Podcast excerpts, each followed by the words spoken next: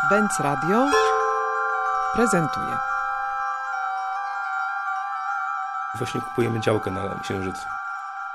Myślimy o tym, żeby, żeby zrobić kręgów w zbożu. Też taki stary, dobry, taki billboard na ziemi dla obcych.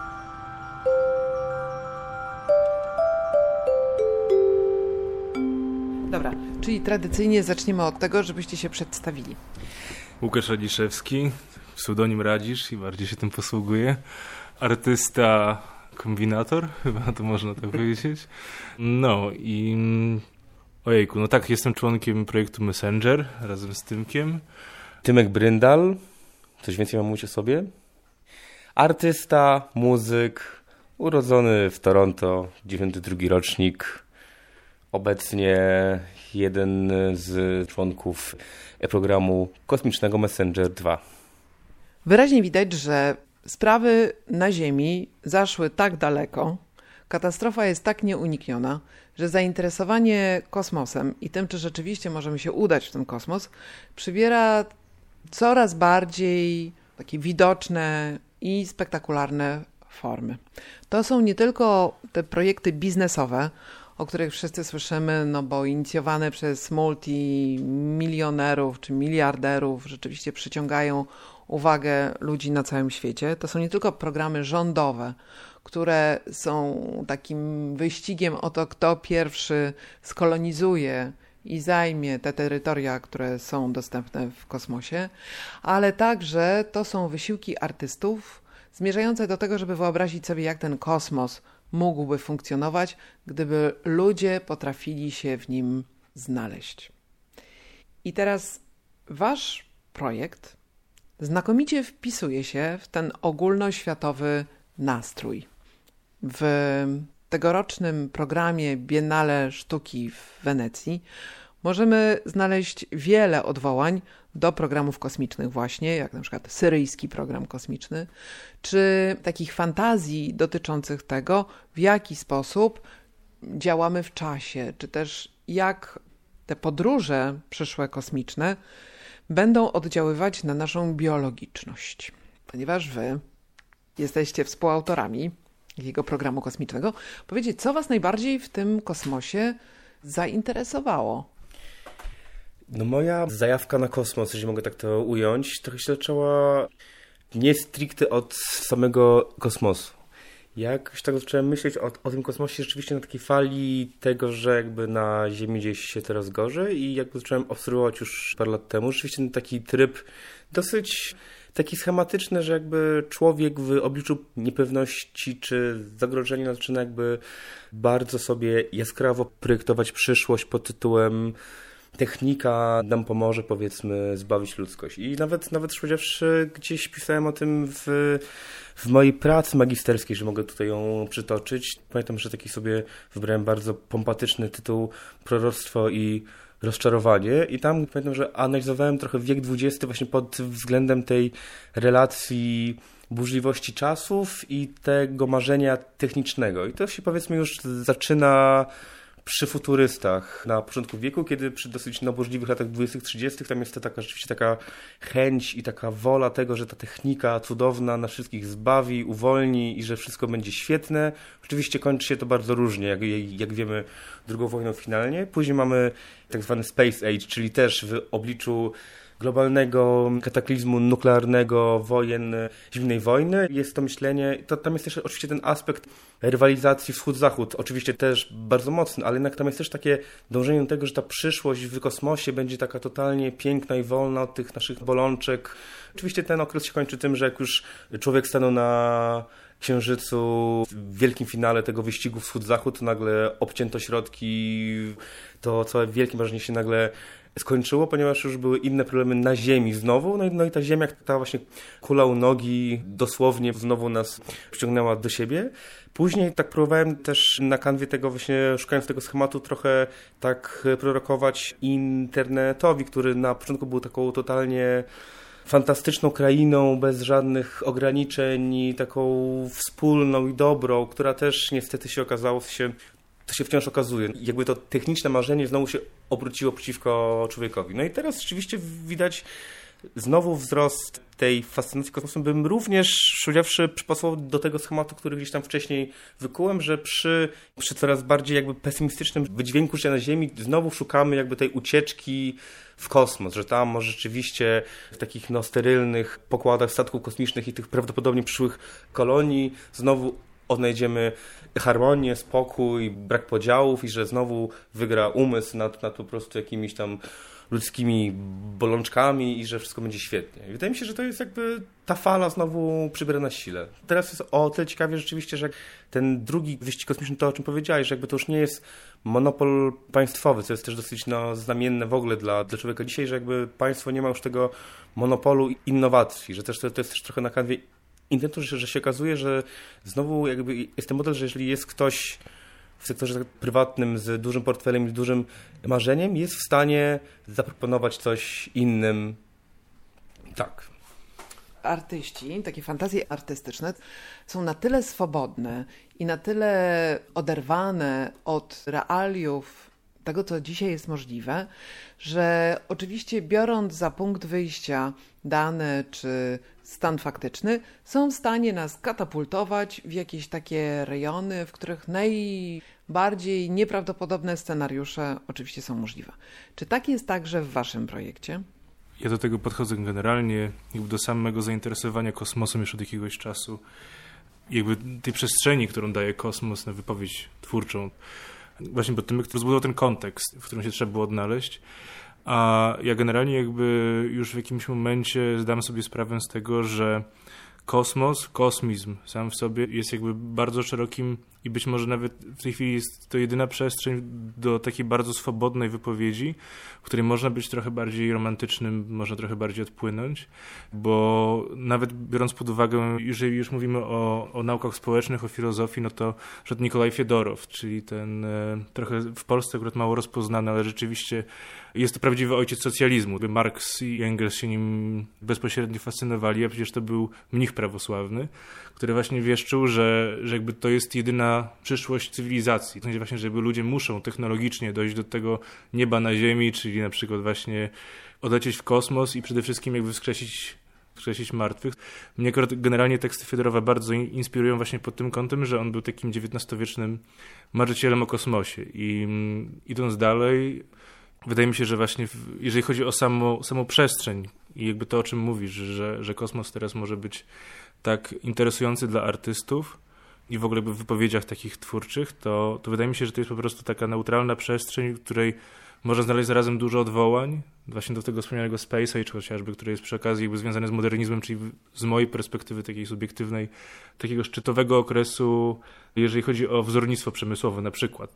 A zarazem jednak jest to na tyle bezpieczna przestrzeń, w której można no właśnie wypowiedzieć się na tematy bardziej codzienne, rzeczywiście nawet na te rzeczy, które są związane z obawami o egzystencję, e, w sposób trochę bardziej odrealniony, czyli właśnie no, ja na przykład osobiście takich rzeczy zawsze poszukuję i wydaje mi się, że Tymek tak samo, więc tak, to jest chyba...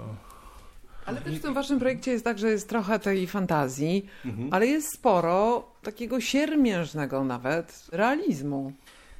Tak, właśnie to jest ciekawe, bo podczas pracy nad tym projektem i rozbudowania kontaktów na przykład y, wokół Politechniki Warszawskiej, dosyć było zawsze śmieszne rzeczywiście, że ci bardzo poważni ludzie nauki, a wręcz tej techniki kosmicznej biorą nas bardzo często jak takich no, trochę wariatów, powiedziawszy, że trochę ciężko nam ciągle taki znaleźć e, wspólny punkt nie Dobrze, wiem, jeżeli nas traktują jako wariatów, bo często to po prostu nas traktują jako amatorów. Takich tak, i, wręcz, wręcz, tak, bo dla nich rzeczywiście to zawsze jakby taki duet nauki i sztuki jest dosyć ciekawy, nawet takiego e, różnego podejścia co do efektu.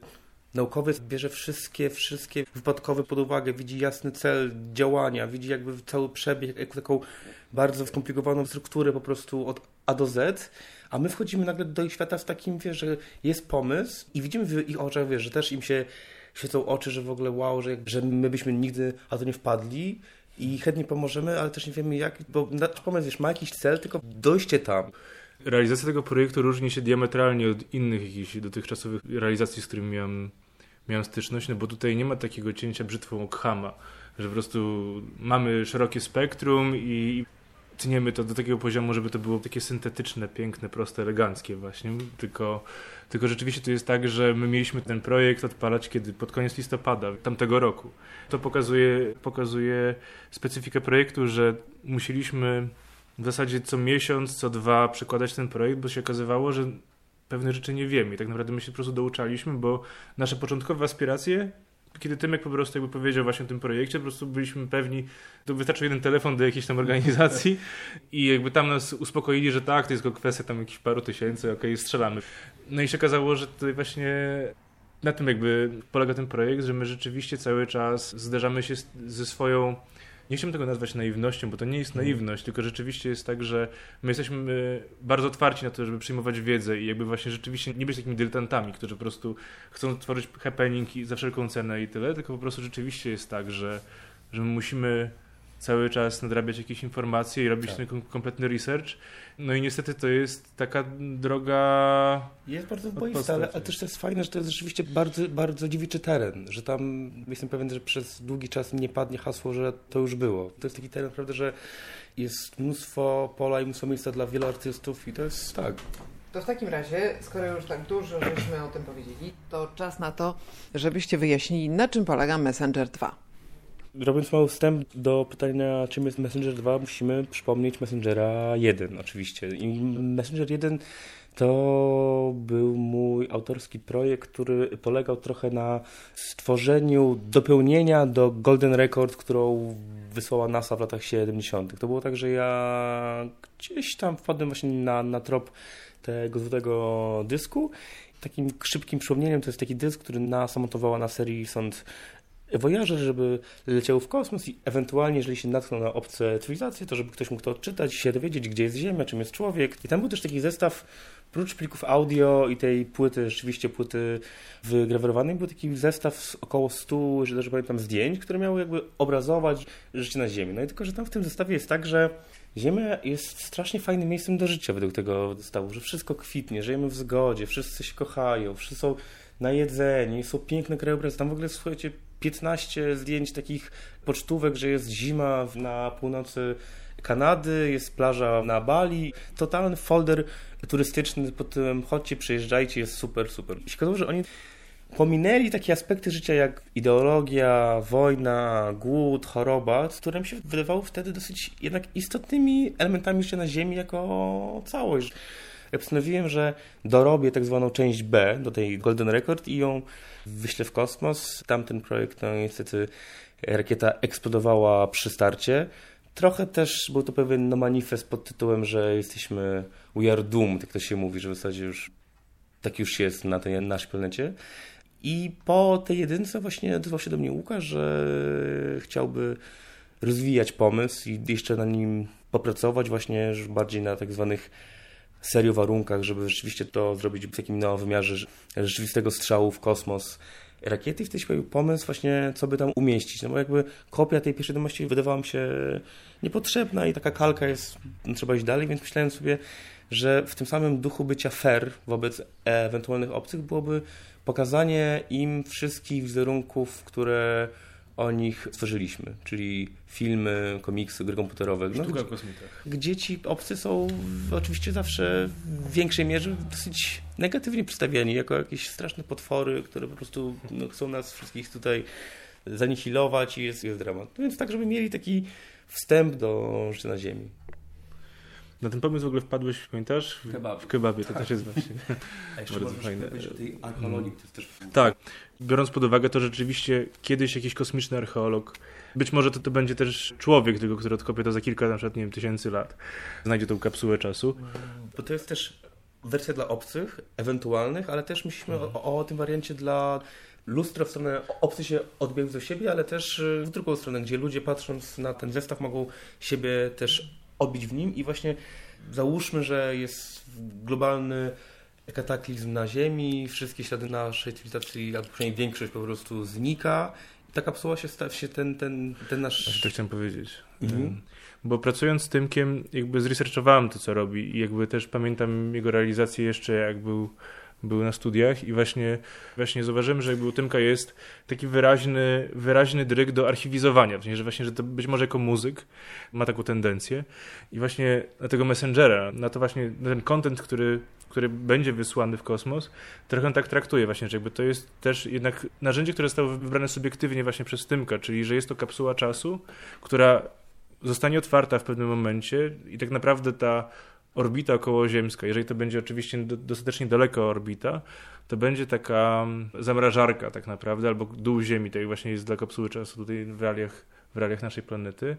Coś, co po prostu zamrozi na chwilę tą, tą informację i pozwoli ją odczytać jakiemuś domniemanemu archeologowi, space archaeologist, czyli po prostu tej obcej cywilizacji, która być może przyjedzie tu już jakby i zobaczy nawet niekompletne zgliszcza, ale rzeczywiście po prostu planety, która będzie opustoszała i, I tak naprawdę właśnie jedynym materiałem badawczym będą te śmieci, które będą się unosiły przez kilkaset tysięcy lat na orbicie kołoziemskiej. To jest bardzo ciekawe, że ta fantazja o tym, że w końcu człowiek zostaje ukarany słusznie za wszystkie swoje przewiny i znika z powierzchni Ziemi, po to, żeby planeta mogła znowu zostać przejęta przez naturę, odbudowana właściwie po erze antropocenu. Ta fantazja także pojawia się w wielu pracach, ale ciekawe jest to, że posługując się językiem wizualnym, jakby kładziemy główny nacisk na tę widoczną, możliwą stronę całej fabuły, całej narracji. Czy w Messengerze prace wizualne, czy dokumentacja wizualna to jest główny element przekazywania treści i wiedzy, czy też tam wpakowaliście innego rodzaju formaty także. Elektroniczny zapis muzyki, dźwięku. Przede wszystkim archiwum jeszcze powstaje, w sensie jeszcze jest w trakcie budowy, zbieramy te rzeczy. No to jest też e, dosyć ciekawy aspekt e, a propos tego, co mówisz. Nie mamy pewności, że ewentualnie obcy działają w podobnym systemie technicznym co my, więc jakby wysłanie im nawet pendrive'a nie świadczy o tym, że oni będą w stanie go odczytać. Może mają inne, lepsze, lepsze sposoby przechowywania danych niż my. To też był problem pewien przy tej pierwszej właśnie Golden Record NASA, że oni tam to umieścili w formie płyty winylowej, ale też zakładając, że jeżeli ktoś będzie w stanie to przejąć, to jest na tyle zaawansowany, że to odczyta, ale to, to jest nieprawda. Więc to też pytanie, czy ten nasz system jest najlepszy. W sensie, jeśli chodzi o masę i ilość i możliwość zmieszczenia jak najmniejszej ilości rzeczy na jak najmniejszym nośniku, to w tej chwili tak. Prócz tego też właśnie, jak gadaliśmy o tym z naszymi przyjaciółmi z Politechniki Warszawskiej, oni nam zasugerowali też właśnie to, że, że może też warto by postawić na jakiś taki przekaz e, stricte analogowy pod tytułem widzisz, wiesz, bo to też jakby byłoby wtedy dla tego ewentualnego odkrywcy tego nośnika bardzo prosta sytuacja, że po prostu jest obrazek, który może odczytać, jeżeli oczywiście ma jakieś tam tak zwane receptory oczne, wzroczne. No my stawiamy w, tej chwili na coś w stylu pendrive'a, jako że na raz, że to jest po prostu cudowny obiekt. I jest to jakby najmniejszy obiekt, na który możemy jak najwięcej zmieścić.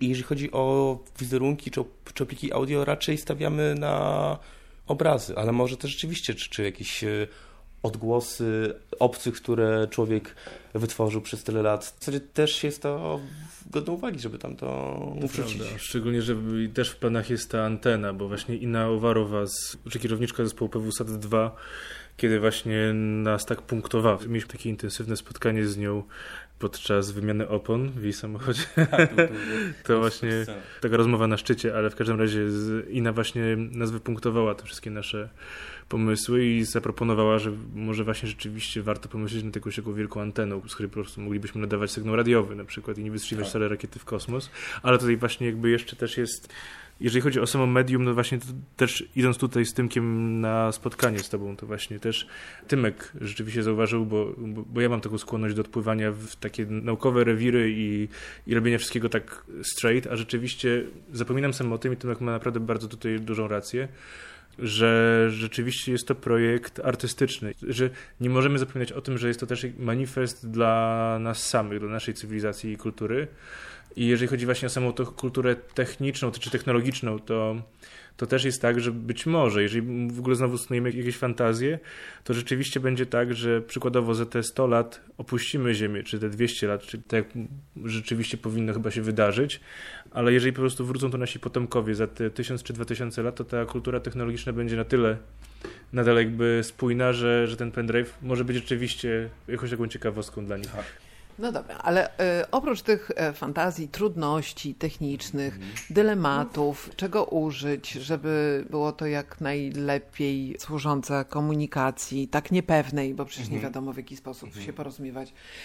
Oprócz tego macie jeszcze jakieś bardzo konkretne pomysły na to, w jaki sposób można byłoby zadziałać w tym kosmosie. Kiedy tu przyszliście, powiedziałeś coś o deweloperce na Księżycu, czyli tak. budowaniu osiedli mieszkaniowych, projektowaniu w każdym razie.